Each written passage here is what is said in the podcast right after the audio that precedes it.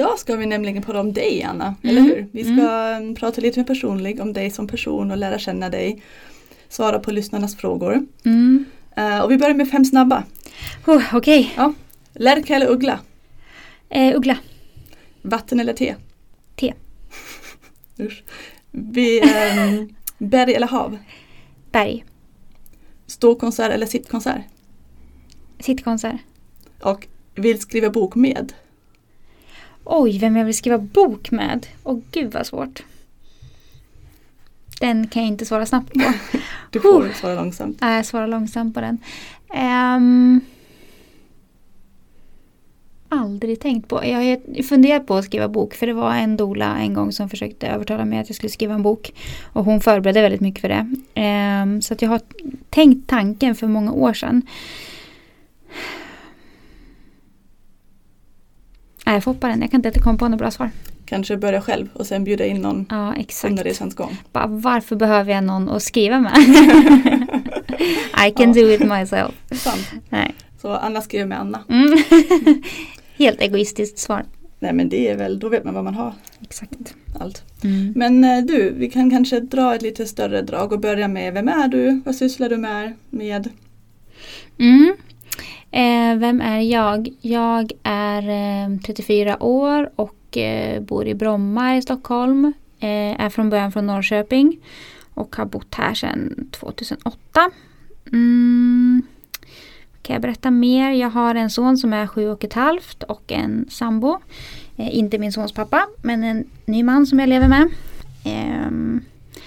Ja, jag jobbar som dola i Dora-gruppen som ni alla vet som lyssnar. Eh, och eh, ja, men erbjuder ju massor tjänster inom området. Så ehm, ja, Och har jobbat som det väldigt länge, eller hur? När började du? ja, 2015. Ja, så när min son var tio månader gick jag utbildning och så började jag direkt efter det. Mm. Har du, vad är ditt favorithobby? Eller vad skulle du vilja göra igen om du hade tid eller tog dig tid? Mm. Det som jag utbildade inom är ju att jag är danspedagog och det har ju varit min hobby hela livet. Så eh, jag får nog säga dans och eh, det är liksom min stora så här, sorg i livet att jag inte håller på med det. Eh, jag kan verkligen känna så här, "Åh, jag får tårar i ögonen när jag pratar om det. Eh, för det har varit hela mitt liv, så många år. Jag har dansat sedan jag var fyra och på heltid eh, liksom i utbildning i fem år. Ehm, så att ja, det saknar jag verkligen. Det är ett sånt fantastiskt sätt att uttrycka sig. Och det är liksom en grej på min lista så här, närmsta tiden, vad vill jag göra? Så jag vill verkligen dansa.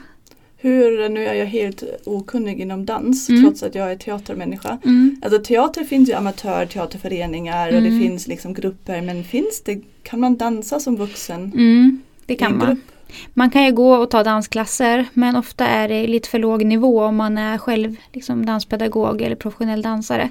Eh, man kan gå i Stockholm, Göteborg och Malmö och ta proffsklasser men eh, nu känner jag att jag är lite mitt emellan där någonstans. Att jag skulle kunna gå på proffsklasserna för att jag kan visa att jag har en utbildning, det är liksom det som krävs men jag skulle säga teknikmässigt sitter det nog kvar men min fysiska form är inte densamma så jag skulle nog vara helt död efter en proffsklass.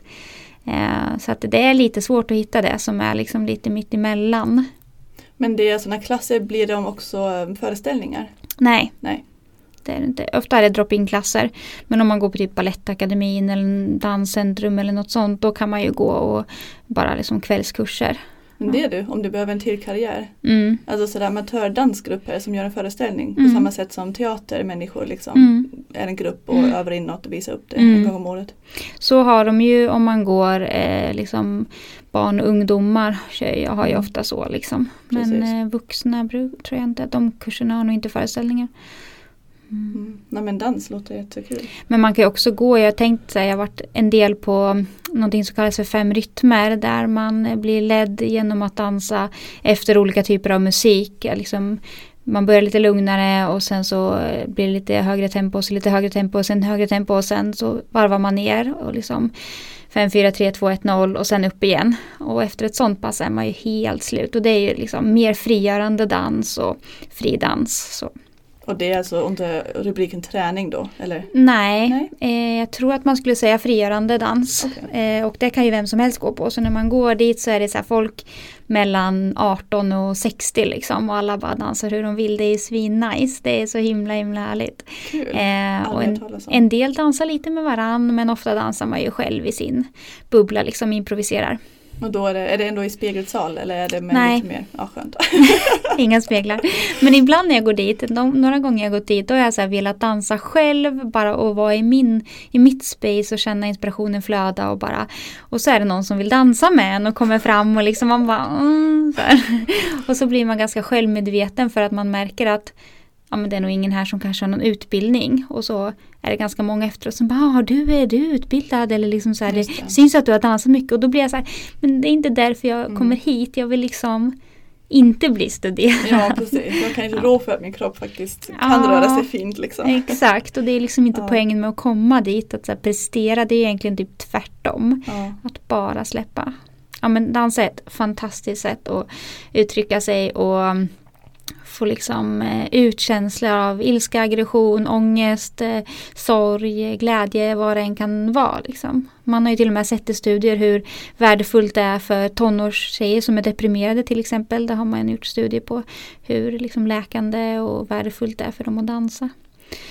Eh, barn med autism har man ju också kollat på. Mm. Liksom värdet av dans. Så.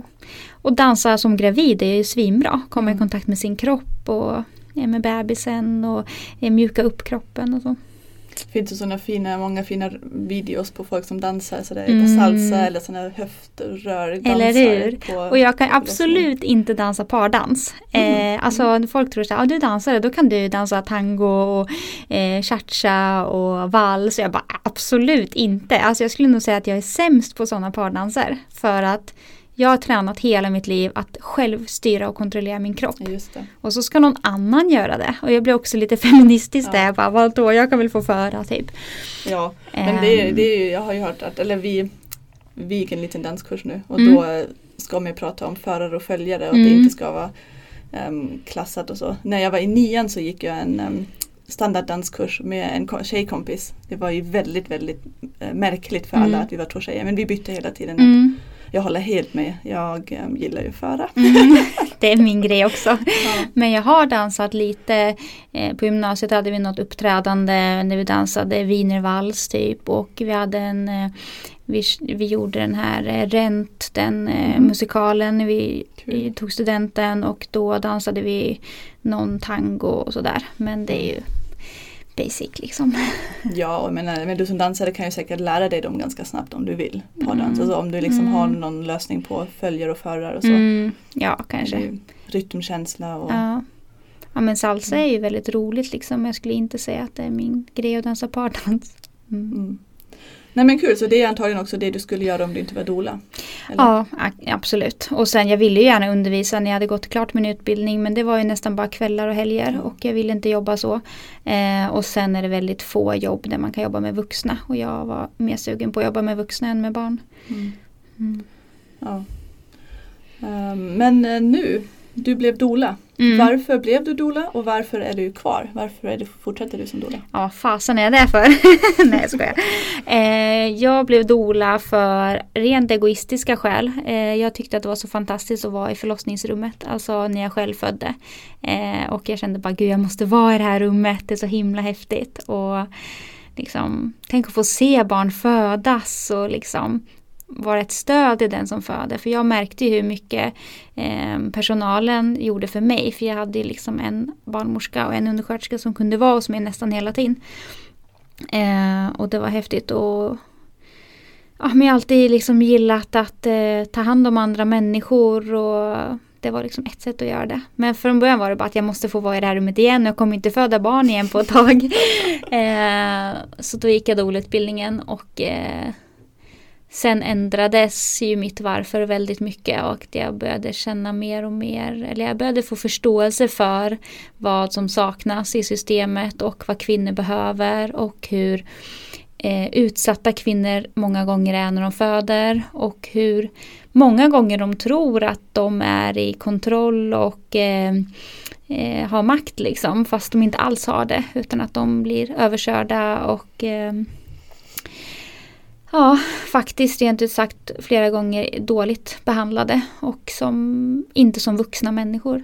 Så att eh, där ändrades ju mitt varför väldigt, väldigt mycket och eh, jag tror att det också kom tillbaks till någonting som jag tidigare tyckte varit väldigt viktigt och intressant när jag har jobbat eh, eller när jag gick min utbildning till danspedagog att jag, jag blev ganska intresserad av liksom genus när vi läste det på Danshögskolan eh, och jämställdhet och ehm, ja, men, eh, mänskliga rättigheter, kvinnors rättigheter. Um, så att jag, det liksom, det var inte helt så här långt ifrån varandra som man kan tänka sig vad då dans och dola det är ju liksom vitt skilda men för mig har det inte varit det för att vi har också läst mycket teori på utbildningen och att man jobbar så mycket med kroppar och får förståelse för anatomi och funktion och eh, uttryck och läsa kroppar och så.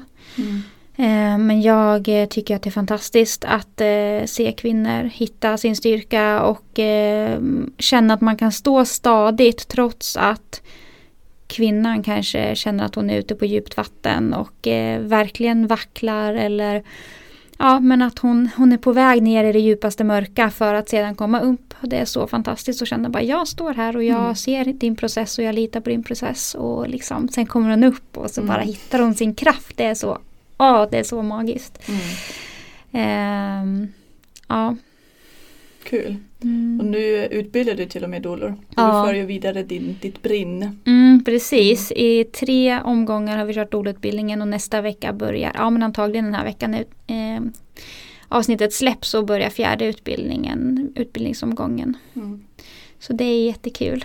Det måste vara en ynnest att ha dig som lärare. Ja men det är, åh, det är så roligt att träffa de här människorna. Mm att liksom eh, andra kvinnor som eh, är nyfikna och intresserade och som vill liksom lära sig och förstå och jobba med sig själva. Att man förstår att det är en så himla stor del av att bli dola och att hitta sin dola-roll.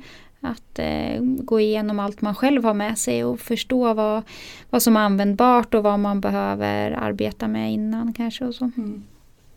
Ja, kul. Mm. Um, och sen fick vi två frågor. Um, vad är det jobbigaste, tråkigaste med att vara doula och vad är det roligaste, häftigaste du har varit med om som doula? Mm. Alltså det är ju eh, många som tycker att ha jour är det jobbigaste. Jag har nog inte tyckt det innan. Um, men kanske att jag börjar tycka att det är lite mer påfrestande nu än vad jag tyckte förut. Um, men att vara liksom låst till Stockholm också för att jag har min familj utspridd över hela Sverige. Uh, att, att man kan känna sig låst i att ja, men gud, det, jag måste verkligen planera jättelångt i förväg om man ska åka någonstans. Eftersom man ofta är uppbokad mm. väldigt långt fram med uppdrag och så. Um, men det jobbigaste, ja det är väl man åker in på kvällen så har man varit vaken hela dagen och så jobbar man hela natten. Eh, sen när morgonen kommer när man har varit vaken ett dygn. Eh, om förlossningen då inte rullar på eller om man märker att så här, nu börjar förlossningen ta en väg som föräldrarna inte vill.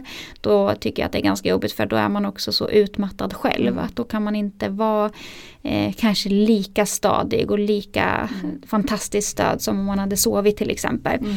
Så jag är väldigt beroende av sömn och mat. Liksom. En del kan ju verkligen säga jag tar igen det sen, det är ingen fara. Men jag påverkas jättemycket av det. Det är också svårt när man själv har barn. Alltså, ja. När man inte har barn eller äldre barn då kan man ju sova igen. Ja. Men har man mindre barn då är det så att ja, jag kan sova lite grann mm. och sen har jag ett barn att ta hand om. Exakt, exakt. Ja, det är väl, kan vara det jobbigaste. Men det, kan, ja, det är också väldigt jobbigt när man känner att man absolut inte är välkommen av personalen. Det kan mm. jag ju tycka är jobbigt. Jag är så här som många andra, kanske framförallt kvinnor, man vill bli omtyckt och liksom, eh, ja, att man är välkommen och göra folk till lag så, så det får man jobba väldigt mycket med att försöka släppa liksom. Eh, och den här balansen tycker jag fortfarande är ganska svår trots att jag jobbat länge att eh, se till att föräldrarna får så som de vill ha det. Mm. Eh, men ändå eh, inte liksom köra över personalen eller göra dem sura som gör att de eh, mm. sprider dålig stämning i rummet till exempel som föräldrarna känner av. Mm. Så det är inte helt lätt. Um, det häftigaste och härligaste är ju som jag sa när man ser kvinnor finna sin kraft och vågar. När de liksom spänner ögonen igen och bara så här typ hjälp mig och sen så typ kan man göra det för dem liksom. Mm. Det är magiskt. Och mm. eh, eh, hemfödslar, vattenfödslar, ostörda födslar. Det är ju fantastiskt att bevittna. Mm. Finns det någon enskild liksom, häftig händelse du har varit med om? Eller som du minns? Något som du själv känner, det här kommer att stanna i mitt, liksom, mm. mitt minne? Eh, ja, men, eh, en oplanerad hemfödsel när jag kom in och paret satt i badrummet med sin bebis i famnen. Liksom. Eh, och de hade så gärna velat föda hemma men hade liksom blivit lite avskräckta av olika personer. Tyvärr att göra det, det var deras andra barn. Och det blev liksom precis som det var meningen att det skulle bli. Ja, kul. Eh, så det kommer jag verkligen minnas. Och jag hjälpte henne till sängen och liksom tog emot moderkakan när den kom ut. Och, eh, ambulanspersonal kom men eh, paret ville inte åka in då så att ambulanspersonalen åkte iväg igen liksom. Och jag körde paret in lite senare. Och ambulanspersonalen var jättefin och lugn och liksom mm. inte alls stressade på eller var nojiga liksom utan de bara ja men vi ser ju att mamma och bebis mår bra och det är ingen blödning liksom vi kan åka. Eh, så det kommer jag verkligen minnas. Men också när man har dolat folk som man känner blir det lite extra mm. speciellt såklart. Det. det. är en, en ära liksom. Mm. Är det, vi kan stanna där, är det lättare eller svårare eller på ett helt annat sätt att dola någon man har en personlig relation till sen innan? Jag tycker inte att det är så stor skillnad eh, om man känner att de har valt den. Eh, utifrån liksom att vi vill ha dig som doula, vi tror att du kan bidra med någonting. Eh, då tycker jag inte att det är varken lättare eller svårare. Men det är ju eh, Det skulle ju potentiellt kunna vara mer känslomässigt laddat. Liksom, eh, om någonting går tokigt. Eh, jag har varit på en sån födsel och eh, det är klart att jag blev mycket mer ledsen då när det blev ett akut snitt än vad jag hade blivit kanske om det var någon som jag inte hade en relation till. Mm. Eh, men sen har ju alla andra gånger gått väldigt, väldigt bra. Så jag vet inte, då kanske man blir lite extra glad.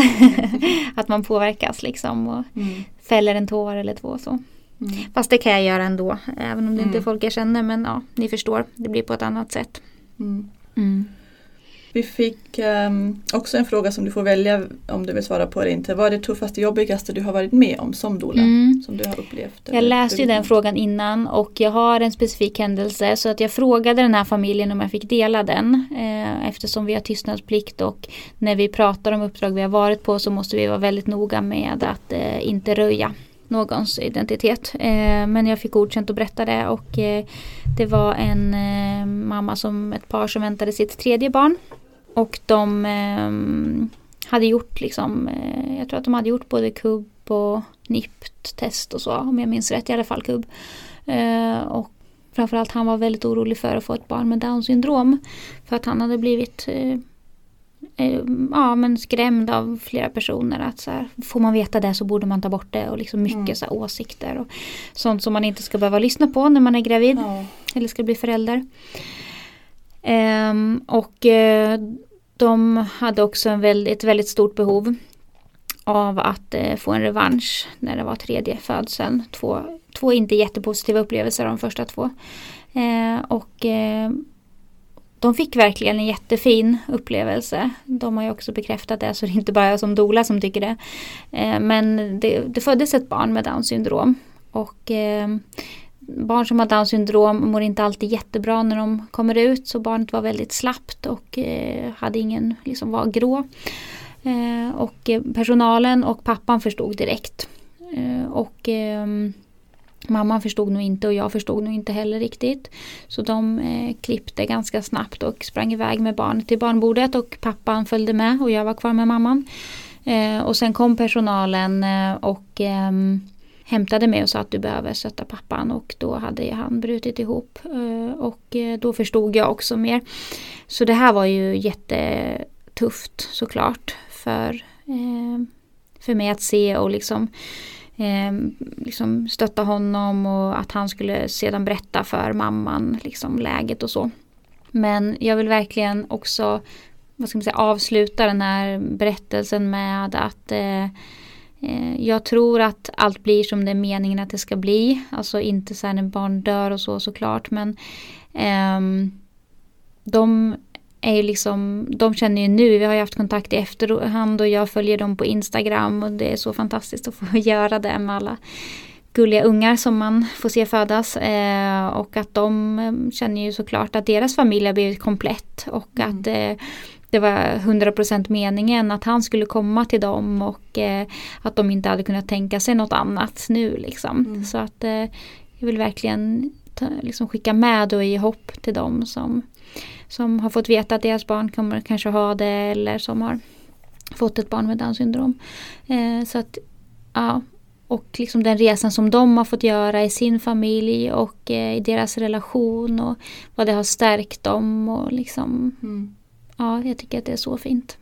Och det är ju, um, nu är det lite orelaterat, men det, är ju, det beror ju, just down syndrom är ju en sak som beror ju väldigt mycket på hur man som samhälle stöttar. Mm. Jag vet en familj som nu har flyttat till ett annat land där de upplevde att deras dotter får liksom bättre stöttning i skolan, och, alltså får vara med mer. Liksom. Mm.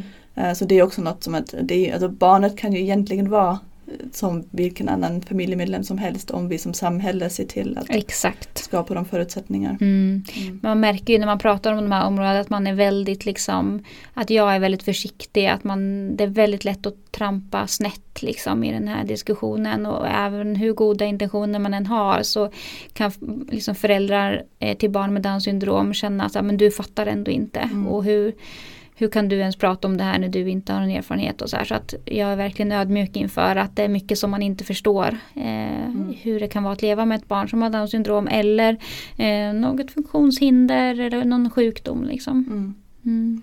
Ja, det är så trevligt tycker jag när um, folk delar med sig på sociala medier. Verkligen. Um, en till lyssnarfråga. Hur vill, du, hur vill du jobba om tio år? Ja, vi är liksom lite på gång att förändra saker i hur vi jobbar eh, i Dola-gruppen och i, i, mitt nära samarbete med Åsa. Eh, så att jag tänker nog eh, Ja, men min dröm är ju att det ska finnas ett födslohus, ett ställe dit man kan komma och föda och eh, ja, men där man kan få allt man behöver ha under en graviditet och efteråt. Och liksom, eh, efter födseln. Så att eh, jag tänker jobba mot det målet och eh, kanske ta lite färre uppdrag så som jag gör nu. Eh, men hjälpa föräldrar att hitta en dola som passar dem och få det stöd som de behöver och, och guida dem och hjälpa dem att navigera. Liksom. Mm. Så det kanske kommer bli lite mer administrativt eh, men också Typ profylax tycker jag att det är jättekul att hålla. Nu gör vi det privat eller vad säger jag, bara i par men jag skulle gärna göra det mer i grupp för det är också väldigt spännande att se vad som händer i den dynamiken mm. när det är flera i rummet. Ja. Um, och sen tycker jag det är jättekul att jobba med kurser och utbildningar och um, ja, men kanske börja jobba lite med Dancing for birth eller mm. någonting mm. som väva ihop liksom mina olika kunskapsområden. Kul likna, eller en nära besläktad fråga är um, Är doula-yrket något du ser dig fortsätta jobba med om 20 år? Men det har du ju typ svarat på. Mm. Ja men det skulle jag säga. Ja, jag vet att min mamma frågar så här, men du, hur tänker du att du ska jobba med det här hela ditt liv? Och liksom, eh, vad tänker du om det här med att ha jour och så? Jag bara, men, ja, jag tänker att jag ska jobba inom området hela mitt liv men det kan ju ändras, man vet ju mm. inte. Eh, jag tänker att om eh, Sverige ändrar sin utbildning till barnmorska, att man läser direkt till barnmorska här som det är i Danmark, då kan jag tänka mig att läsa till barnmorska och då blir det en annan väg liksom. Kanske jobba mer med hemfödslar och så. Um, men eh, jour hela livet kommer jag nog inte ha. För man blir tröttare och tröttare ju äldre man blir. Det blir mer och mer påfrestande att gå upp på nätterna. Det blir det faktiskt. Mm. Mm. Jag tänker också, jag tänker själv liksom när barnen blir äldre och man blir mer fri. För med, med mindre barn är man ju ändå väldigt låst ja. till sitt hem. Men när man har sen eh, gamla eller utvux, utflugna barn då tror jag inte att jag kommer vilja ha mycket jour. Nej. Till exempel. Nej. Men vad tror du om yrket totalt, alltså doula-yrket mm. i framtiden? Mm. Hur, um, vad väntar, vart rör den sig? Eh, jag tror att eh, det kommer fortsätta expandera, att folk eh, kommer utbilda sig till doler i mycket större utsträckning och som det har varit de senaste tre åren har man ju sett att fler och fler vill bli doler, vilket är jättekul. Men att de kanske behöver mer hjälp med att faktiskt komma igång och ta uppdrag och så. Och det är ju någonting vi jobbar mycket med i vår utbildning, att man får med sig det från utbildningen också.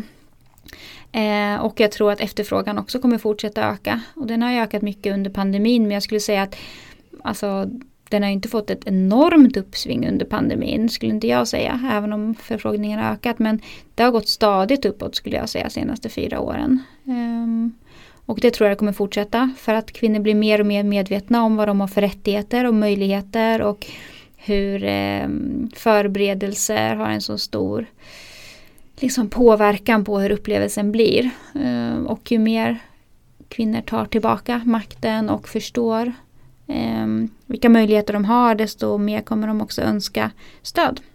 Mm. Eh, och jag tror att eh, Alltså kulturtolkstolar är finansierat. Jag har väldigt svårt att se att eh, doler generellt kommer bli finansierat och vi generellt vill ju heller inte bli anställda liksom. Mm. Men man skulle kunna Önskvärt vore ju att det fanns en peng som man kunde använda till det man ville ha. Så att om man ville gå på yoga fem gånger i veckan så kunde man använda det till det. Om man ville ha en dola kunde man använda det till det. Om man ville föda hemma kan man använda det till det. Så att man har en peng som följer den gravida. Mm. Det är ju önskvärt och eh, det beror ju på vilken eh, regering vi väljer framöver. Så det kan Precis. ni ju tänka på nu inför valet. Mm. Läs på om eh, de frågor som ni tycker är viktiga. Det har ju, Birthright Sweden har ju gjort en valkompass som mm. jag rekommenderar att läsa. Just det. Men den frågan har de inte tagit med. Det är något vi behöver liksom initiera som en helt ny tanke än ett slags gravidvårdsbidrag. Exakt, jag tycker um. också det här med ja och nej-frågor kan bli lite problematiskt. Eh, för att när de säger ja då kan det vara som att man kan tolka det som att de lovar det. Men det kan också vara så här ja på sikt tycker vi det. Eller vi tycker att det är bra men vi kommer inte kunna prioritera det. Eller... Allt, allt beror ju på budgetar, vilka ja, budgetar man lägger. Exakt. Man kan ju ha saker man tycker, alltså partier kan ju tycka mm. saker men om mm. de inte lägger en budget för det eller lägga budgeten tvärt emot. Exakt och det låter ju så himla bra att så här, ja, vi vill förbättra förlossningsvården. Bara, men vad innebär det mm. för det här partiet? Mm. Ja, innebär det ännu mer övervakning av bebisen? Mm. Eh, ännu fler eh, induktioner? Mm. Alltså Precis. mer läkare på plats. Alltså den, det är inte en förbättrad förlossningsvård i mina ögon. Så att, mm. Um, Hade du några mer lyssnarfrågor eller var det dem? Uh, jag har några fler. Mm. Um, vi har tid kvar också. Ja absolut. Mm. Vi har ganska um, mycket tid. Precis. Vi har lite frågor om, men då går jag lite kronologiskt. Mm. Din förlossning. Mm. Folk undrar hur din förlossning var och vad du gjorde för att hantera smärtan. Just det. Eh, man kan ju lyssna på min förlossningsberättelse i förlossningspodden ganska långt tillbaka. Men jag skulle säga att så som jag tänker kring min förlossning nu är ju så väldigt annorlunda gentemot när jag berättar den då. Mm. Och det är också intressant och någonting som man kanske kan fundera på om man är 60 och lyssnar på det här. Eh, hur, liksom, om det har ändrats någonting och vad man kommer ihåg och sådär. Men eh, och att det kan vara bra att fortsätta berätta sin berättelse för att den kan ändras. Och man kan få nya perspektiv och jag vet många som går doula-utbildning processar i sina egna födslar så himla mycket. Och får mycket mer förståelse för varför saker hände och att man kanske inte fick bra förutsättningar och eh, yttre faktorer påverkade och så vidare. Födseln av min son var ju då 2017 och eh, eller vänta, säger 17? Nej. 15. Ja. 15 eh, och eh, han är född den 17. Eh, den var liksom eh, jag ska säga, en väldigt normal första födsel om man tittar på hur folk föder, kvinnor föder barn i Sverige idag. Det var eh, ganska lång latensfas, jag skulle säga att två dygn från att jag började känna tills att han var ute. Så att, eh, men inte jobbigt liksom. Jag kunde ändå sova och äta och sådär. Vila. Men eh, Ja, jag åkte in, jag hade tre verkar på tio minuter för det var så man skulle göra. Tyckte att jag hade läst jättemycket liksom. Alltså jag hade typ läst Föda utan rädsla. Jag hade läst Aina May Guides to Childbirth och den vet jag inte om jättemånga läser men den tyckte jag var fantastisk. Många positiva berättelser i och så. Mm. Och någon mer bok, typ jag kommer inte ihåg. Men jag hade kanske läst tre, fyra böcker och eh, gått på lite yoga och sådär. Men var ju väldigt, väldigt, väldigt vältränad då och tänkte att så här, det kommer jag nytta av. Kanske tänker lite annorlunda där nu. Min upplevelse är att de som är väldigt, väldigt vältränade kan ha svårt att slappna av och ha väldigt mycket kontroll över sina kroppar. Kan också vara väldigt spända i bäckenbotten. Um, men jag kom in och var öppen tre centimeter. fanns inget rum så jag fick vara ett undersökningsrum i några timmar. Men det var liksom lugnt. Värkarna så här, verkarna var ju lite lugnare när jag kom in såklart. Ehm, direkt när jag kom in till förlossningsrummet så var det ett nytt pass med barnmorska och undersköterska så jag hade liksom turen att ha samma personal från att jag kom in tills att han föddes. Um, kom in i förlossningsrummet och fick ganska snabbt lustgas för jag behövde ha någon mer smärtlindring då kände jag och jag minns liksom inte att min dåvarande partner gjorde någonting. Alltså han gjorde säkert det för jag minns ju inte att jag var typ irriterad på honom eller någonting men antagligen hade han kunnat göra mycket mer. Men det är det som är svårt för partnern att veta om man inte har förberett sig eller fått stöd. Och han kanske inte har läst alla de böckerna. Nej exakt. Mm. Eh, så att jag minns inte någonting som han gjorde liksom. Eh, men jag andades lustgas ganska mycket och Sen fick jag, minns att jag fick tre verkar i princip utan paus. Och eh, då andades jag i lustgas i liksom 90 sekunder gånger tre och det var typ på högsta. Så då fick jag som en ångestattack av lustgasen. Och eh, ja, men verkligen snedtände. Och eh, det blev helt svart. Jag tappade synen. Eh, jag kände som att jag föll från ett, så här, en skyskrapa. Oh, ja, det var så obehagligt. Jag blev så fruktansvärt rädd. Jag hade sån ångest. Det var som att det bara, hela min kropp höll på att explodera. Eh, och ingen tog lustgasen ifrån mig. Och jag liksom och då var det någon som bara, men eh, du kanske behöver ha en epidural nu liksom. Och jag bara, ja ge mig epidural liksom. Och då var jag i den här ångesten och såg ingenting. Alltså mm. det tog så här fem minuter innan jag typ började typ, ja, men bara se människor i rummet. Och då hade jag redan beställt, eller liksom önskat epidural uppenbarligen. Och då tänkte jag att men då är det väl det jag behöver. För jag klarar ju inte det här så bra. Liksom. Som vi brukar prata mycket om att föreslå ingen medicinsk smärtlindring till den som föder. Mm. Utan det måste komma från henne. Mm. Eller att om hon har svårt att uttrycka det eller har tendenser att vara väldigt duktig och hålla tillbaks och inte visa om hon har det jobbigt. Då kan man ju säga lite då och då men se till om du behöver något mer. Mm. Men för mig blev det så tydligt där och då. Eh, eller jag har tänkt på det efterhand att jag tog ju det som att jag var dålig. Som att du, mm. det ser inte ut som att det går så bra för dig. Liksom. Även om det inte var så de menade så Just där det. tycker jag att man ska vara så försiktig. Ja du kände att man tappade förtroende i dig och mm. din kropp. Mm. Att sådär, nu ser det ut som att du behöver något mer. Ja Vill precis. du ha en lipidural? Mm. Eh, och då fick jag det väldigt snabbt och det tog bort all smärta all, all, all. Och vissa är så här, det kan inte ta bort krystkänsla och det, kan, det här trycket kommer du ändå känna. Jag har själv upplevt, det kan ta bort krystkänsla och det kan ta bort trycket. Jag kände absolut ingenting från epiduralen tills han var ute. De sydde allting, alltså jag kände ingenting. Så att man ska aldrig vara, liksom säga så här, generalisera eller säga Nej. liksom så här är det eller så här är det inte. För det finns så många varianter. Ja, och det, man vet ju att um, olika kroppar reagerar väldigt olika på olika um, smärtpreparat. Oh, ja. Och vissa till exempel som ska opereras med epidural behöver ju helt andra doser, det behöver göras om och om och om ja. för att de fortfarande har känsla och Exakt. du fick då ta bort all känsla på första och Exakt. det är väldigt individuellt. Mm. Mm. Ja en del upplever ju att de fortfarande känner vid ett kejsarsnitt liksom och det måste ju vara fruktansvärt. Ja. Eh, och så blir de ändå så här, nej men det kan du inte göra, du har fått så mycket medicin nu. Ja precis. Men, men det är ju individuellt ja. och man reagerar olika och det kan ju vara bra att i förväg kanske om man har koll på det att så här, Mm. Det räcker med en Alvedon fast jag har fruktansvärd mensvärk till exempel. Och då vet man att man svarar ganska snabbt på mediciner eller så. Um, men jag fick epidural, vi sov en och en halv timme. Men kändes det trevligt att bli av med smärtan eller hur kändes det? Ja då kände jag verkligen det. Mm. Då var det verkligen som många säger så ah halleluja jag fick sova och äta och det var min räddning typ. Och, eh, men i efterhand så känner jag ju bara att jag fråntogs eh, min kraft och min makt och jag blev en patient väldigt mycket. Jag blev någon som behövde styras och kontrolleras och eh, inspekteras. Alltså det var verkligen eh, inte autonomi i det födandet alls.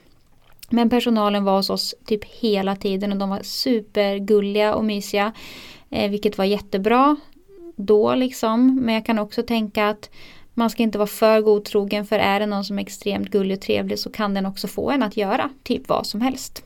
Alltså jag vill inte att man ska gå in i förlossningen och tänka att hmm, alla här är onda, jag har på mina mest kritiska glasögon. Eh, jag tror liksom inte det, men man är willing to please när man föder, it's a fact. Mm.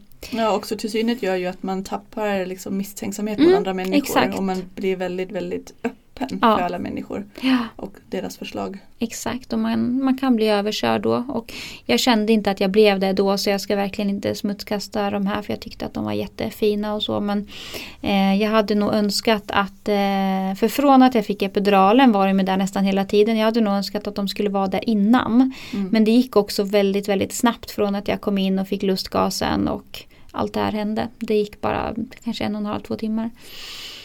Eh, men eh, sen när jag hade sovit och ätit så eh, började jag väl lite mer vara uppe. Liksom. Gå runt med gåbordet, testade bollen. Jag minns inte om jag testade pallen men jag var uppe och rörde mig en del.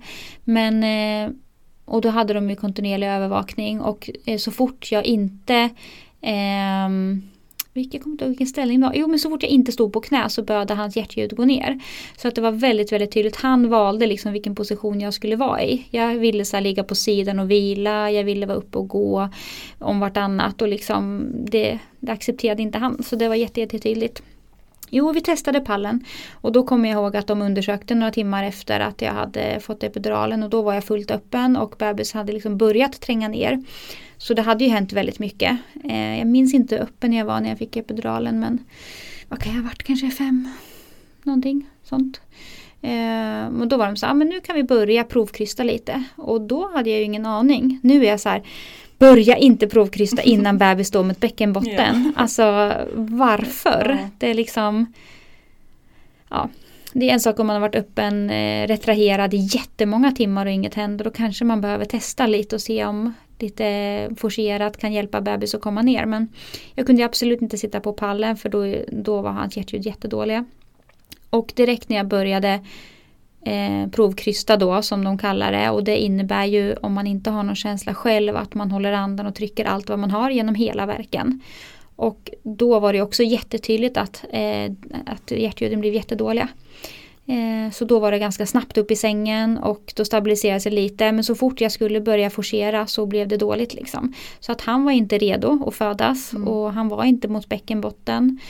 Eh, och eh, till slut så upplevde de att han inte återhämtade sig mellan verkarna. Eh, så då föreslog de sugklocka och det kom en läkare ganska snabbt. Och jag låg på rygg och eh, inställning och eh, de satte klockan och jag minns så tydligt att läkaren sa till mig, hon tittade på mig och bara Det här kommer att göra jätteont. Jag vill bara att du är förberedd på det. Det här kommer göra så ont och du måste fortfarande trycka allt vad du har. Liksom. Och jag bara kände ju ingenting så till slut sa jag det till henne. Jag bara, men förlåt men jag känner faktiskt ingenting. Jag blev så provocerad. Jag kommer ihåg att hon hette någon så här silverhandske eller hon hette något så här.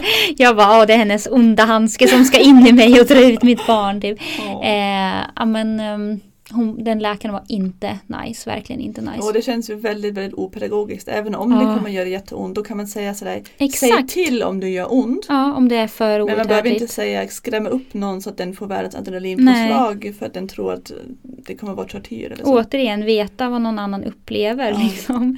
Säga till någon så här är det för dig.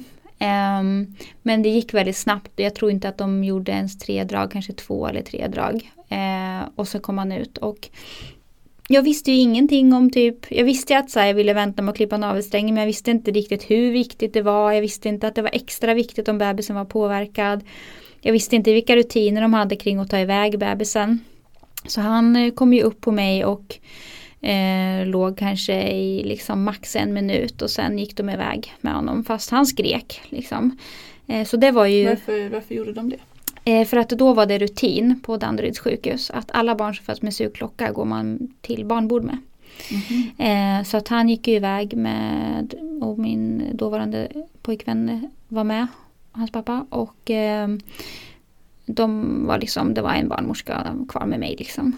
Och jag kommer ihåg så här att jag Eh, jag var så kär i honom från första sekund. Jag hade liksom hört om att man kan känna sig aversion eller liksom inte vilja ha barnet på sig eller ta i sin egen takt och så här. Men alltså jag hulkgrät av lycka. Jag var så lycklig. Det är verkligen så. Mm. Jag minns att så här, barnmorskan lite kollade på mig och bara är hon glad eller ledsen? Jag var så här, verkligen hulkade. Eh, så jag var så lycklig. Liksom. Jag var inte alls rädd att de gick iväg med honom eller någonting. Jag tror också att jag var så hög på allting. Att, eh, och sen gick det väldigt snabbt att de kom tillbaks. Det var max fem minuter. Och det kändes inte längre som jag vet att det kan göra för en del. Skönt, jag tänkte, det var min nästa mm. fråga hur, hur separationen kändes för dig. Det var inte alls traumatiskt. Eh, och eftersom jag fick den där första minuten och bara så hans kladdiga lilla kropp i mina händer och liksom Ja det var så underbart. Eh, så, så kändes det jättesnabbt att han kom tillbaks. Och eh, jag fick en så vanlig grad 2 som de flesta förstföderskor eh, får och eh, jag var nog väldigt glad för det för att det är en sån vanlig rädsla hos förstisar och även för mig att eh, få stora bristningar och eh, inte, liksom, inte haft några men eller känt av det överhuvudtaget. Så. Men eh, ja, en så verkligen klassisk första födsel mm. på sjukhus. Alltså så vanlig. Men jag har kollat i min journal många gånger och jag har verkligen tyckt att det har varit rätt jobbigt att läsa journalen varje gång. Men det har mm. ändå varit en process att göra det. Och jag har... Um, Vad tror du det beror på? Ja men liksom att jag påminns om att jag var nog eh, väldigt mycket en patient och inte liksom styrde över processen någonting. Och, att eh, på papper blir det så väldigt så här, kliniskt patient, patient, mm. patient står överallt och liksom bara massa siffror och fackspråk och men jag har inte kunnat hitta att jag fick verkstimulerande. Jag fick säkert det under krystfasen för det sätter de ju typ alltid vid sugklocka liksom. Men jag hade ju inte det i kombination med edan som är väldigt vanligt nu. Att de nästan kopplar det direkt när man sätter epidural för det är så vanligt att det stannar av. Vilket är galet. Man borde ju invänta och se om ja. kroppen ändå kan komma igång liksom efter epidural. Eh, men eh, ja, jag tänker som sagt väldigt annorlunda om födseln nu. Men jag har inte något trauma liksom. Jag tycker ändå att det var en, en positiv upplevelse trots att typ ingenting blev som jag hade tänkt. För jag hade ändå tänkt så här, försöka utan EDA och liksom. Eh, men ehm, jag tycker ändå att det var en positiv upplevelse och det är också någonting som man kan ha med sig att trots att inget blev som jag hade tänkt så minns jag ändå födseln som något positivt.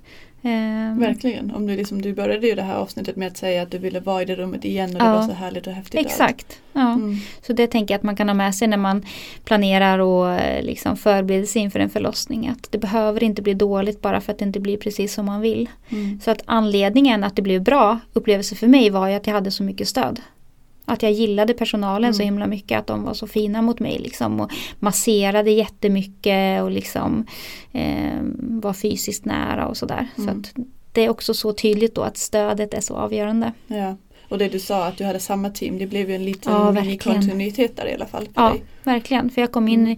vid rummet typ vid två och då hade de ju nyligen gått på sitt pass och sen föddes han vid tio, åtta liksom och då hade de ju eh, lite gått över. Eller nej, nio bytte de väl. Ja, då hade de ju precis, mm. han är ju precis med. Mm. Men en sak som hände efteråt som satte sig så hårt i minnet och som jag vet att jag har delat med dig Malin med, med Tyst jag föder.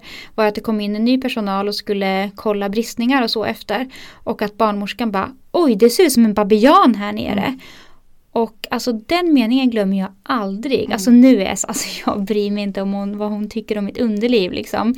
Men att säga det till en nybliven mamma mm. och med den typ tonen som hon hade och så skratta lite. Alltså fruktansvärt respektlöst. Ja. Alltså Ja, man måste verkligen tänka på vad man säger ja. i det läget. Alltså herregud. Ja, och jag menar det här är ju, alltså, ibland finns ju saker som man bevittnar som doula där man tror att personen ville liksom lätta upp stämningen ja, eller precis. ville dra ett skämt som går fel. Mm. Jag, jag, tycker egentligen nästan alla skämt av liksom okänd personal i förlossningsrum går, går fel. Det är opassande liksom. Är opassande. Ja. Um, eller jag har sällan bevittnat liksom, att det faktiskt har funkat. Däremot liksom partners emellan eller, ja. eller, eller om en barnmorska kanske är med åtta timmar. Ja, men, då, exakt. Då känner man men inte någon som kommer in och drar ett skämt. Men jag menar det här med babian, alltså det är inte ens ett kul skämt. Det, är liksom, det finns ju inget i den meningen som på något Nej. sätt kan vara trevlig eller Nej. rolig. Eller, man bara ursäkta, eller... jag har precis fött barn och dessutom med sugklocka. Ja. Det är inte så jävla konstigt. Nej, liksom. och jag menar hon borde ju, alltså hon ser jättemycket mm. nyfödda vaginor. Ja, Alltså hur, hur förvån, förvånad kan man vara? Ja, liksom. exakt. exakt. Hon kanske inte hade jobbat så länge. Det var hennes första babian snippa som hon såg. Mm. Mm. Nej. Ja, men mm. häftigt. Mm. Och eh, hur jag hanterade smärtan var väl också någon fråga. Eh, mm. Jag skulle säga att jag inte um, hanterade den så mycket. I början jobbade jag mycket med föda utan rädslas verktyg. Tänkte mycket på andningen när jag var hemma under latensfas. Det är så lätt att bara så, prata bort latensfasen men jag låg i badet jättemånga timmar och bara försökte få kontakt med bebisen och tänkte jättemycket på min andning och avslappning och lyssnade på yoga, liksom mindfulness och sånt. Försökte följa. Um, men jag skulle inte säga att jag hade så mycket verktyg men jag hade nog också behövt väldigt mycket mer hjälp i mm. att hitta rätt verktyg och rutiner som passade mig. Mm. Eh, och också mycket med fysisk beröring. Jag vet ju att jag svarar väldigt bra på det. Mm. Eh, men med första barnet så är det väldigt lätt att bli omkullkastad om man, och då behöver man ha någon där som fångar en. Mm. Mm. Vi är också väldigt smärtovana i vårt samhälle idag. Ja, gud, ja. Så det är ju inget man har um, tränat på. Nej. Liksom, kanske kvinnor med endemit, stor endometrios. Ja, precis. De stackarna har ju ja.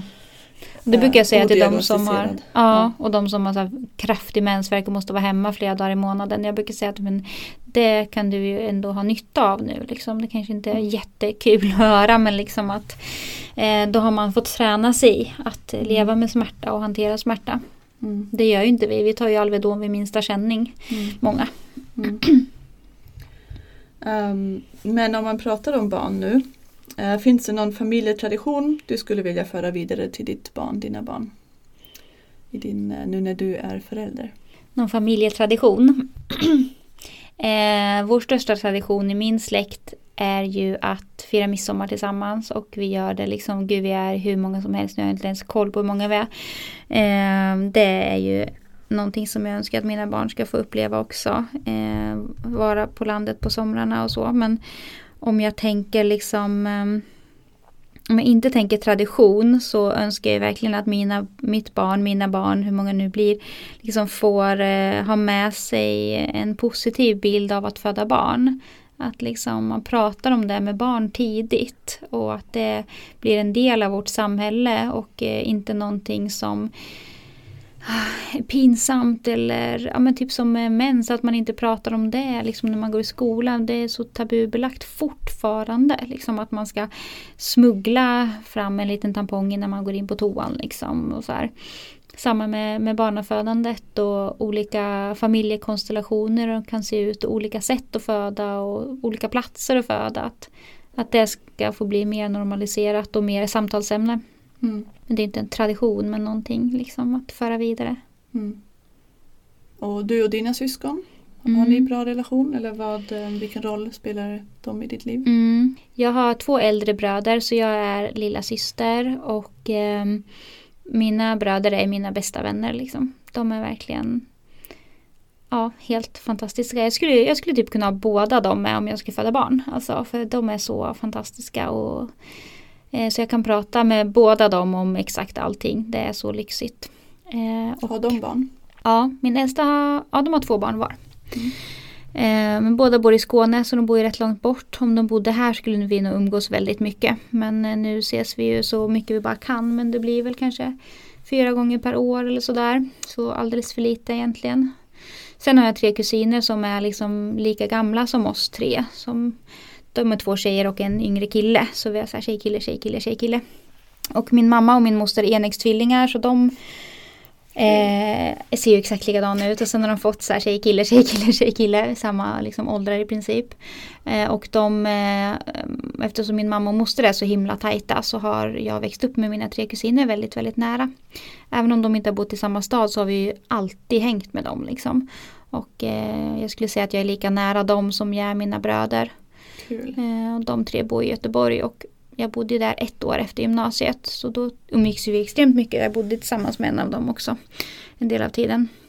Men eh, de tre vet jag att jag också kan ringa när som helst och prata om vad som helst. Mm. Och två av dem är dessutom psykologer så de är jättebra att prata med. Och den tredje är eh, kanske min allra närmsta person. Liksom, mm. Kul. Är, mm.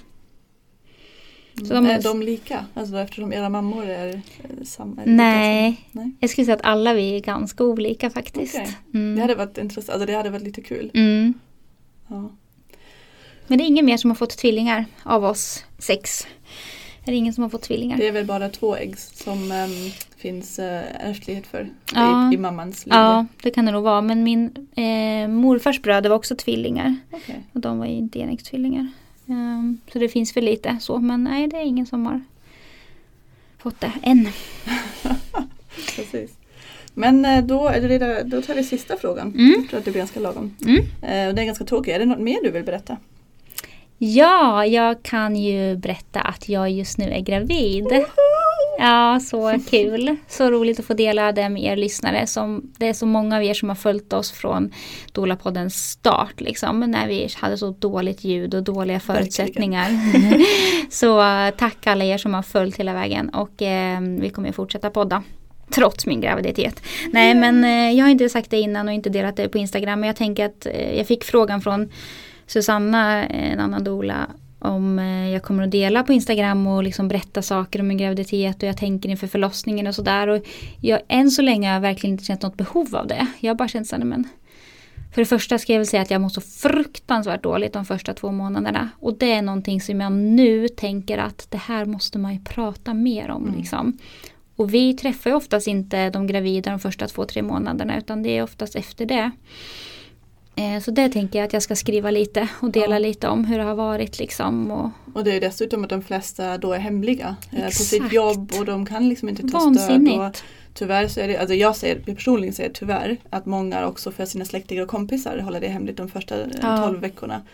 Um, vilket jag tycker är sorgligt för jag tänker att om man får ett missfall eller en, um, en liten födelse som man också ja. kan säga. Då kanske man ska ha jättemycket stöd. Ja, precis. Um, så man är väldigt väldigt ensam mm. om man mår dåligt i början och måste hemlighålla hela tiden. Ja. Det är någonting som jag har tänkt att eh, skriva om för att så har jag aldrig tänkt liksom utan jag har tänkt att om det skulle bli ett missfall så vill jag ha så mycket stöd som möjligt. Eh, och det är också ett sätt att normalisera missfall som är väldigt väldigt vanligt. Mm. Eh, jag har hört att 50% av alla graviditeter slutar i missfall för att man, om man också räknar med alla de gånger där man tänker att folk blir gravida utan att ens veta det innan Just de får missfall. Eh, man har gjort någon uppskattning så liksom. Sen är det väldigt, väldigt många som har litet missfall innan de ens skulle ha fått mens. Alltså innan, ja, innan man får första exakt. Eh, graviditetstest. Precis. Mm. Eh, så att det är ju väldigt vanligt och någonting vi behöver prata mer om också. Eh, men eh, jag berättade ju jättetidigt för vi firade midsommar tillsammans allihopa och jag mådde så fruktansvärt dåligt så det gick ju liksom inte. Mina föräldrar hade ju trott att jag hade gått in i väggen om jag inte hade berättat hur sanningen liksom. Eh, så det var väldigt skönt för mig att få mycket stöd. Men eh, nu mår jag mycket, mycket bättre och eh, kan njuta av att eh, vara gravid. Och, när, eh, när blir det då ungefär? Eh, det blir i februari någon gång. Som alla i vår familj fyller år i februari. Både min sambo, min son och jag fyller år i februari. Oj. Då mm. gäller det att pricka rätt. Mm, precis och min sambo och min son har redan samma födelsedag så att jag hoppas ju att det här barnet får en egen födelsedag. Ja. We'll see men det här är i alla fall eh, endast ett barn i magen vet jag. Så det blir inga tvillingar. Pew. Eh, även om det hade varit mysigt. Men, ja, nej, men nu mår jag bra i graviditeten och eh, det är så himla mysigt att uppleva det här igen. För det var åtta år sedan jag var gravid med Hugo. Och mm. eh, det är en helt annan sak att gå igenom det med all kunskap som jag har nu och eh, ja, jättemysigt. Vi kommer ju vilja höra mer om dina planer och sen förstås efter födseln mm. hur det gick. Och jag tänker jag vill absolut berätta mer och jag vill gärna dela min förlossningsberättelse men jag kommer vara försiktig med att inte göra det för snabbt. Mm. Eh, jag upplever att en del delar sina förlossningsberättelser i poddar och på Instagram så här några veckor efter att de har fött och eh, ja, jag tror att man behöver landa lite mer. Ja, alltså. eller jag tänker ofta, jag har ju också hört det här med att liksom, man ska ha haft lite tid emellan mm. och så. Mm.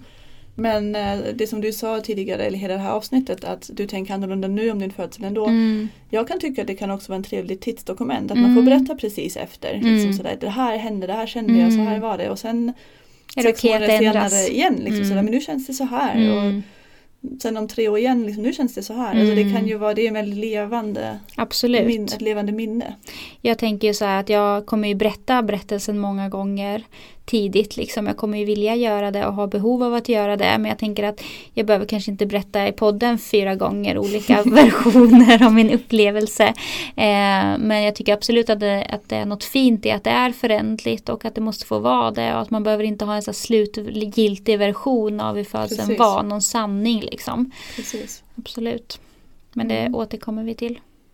Kul att, fått, eh, kul att ha fått höra lite mer om dig Anna. Ja men så roligt, så märkligt att sitta och bli intervjuad. Jag är alltid den som intervjuar. eh, men tack alla ni som har skickat in frågor mm. och tack du Malin som har också sammanställt lite. Eh, och tack för att ni lyssnar allihopa. Ja, tack så mycket.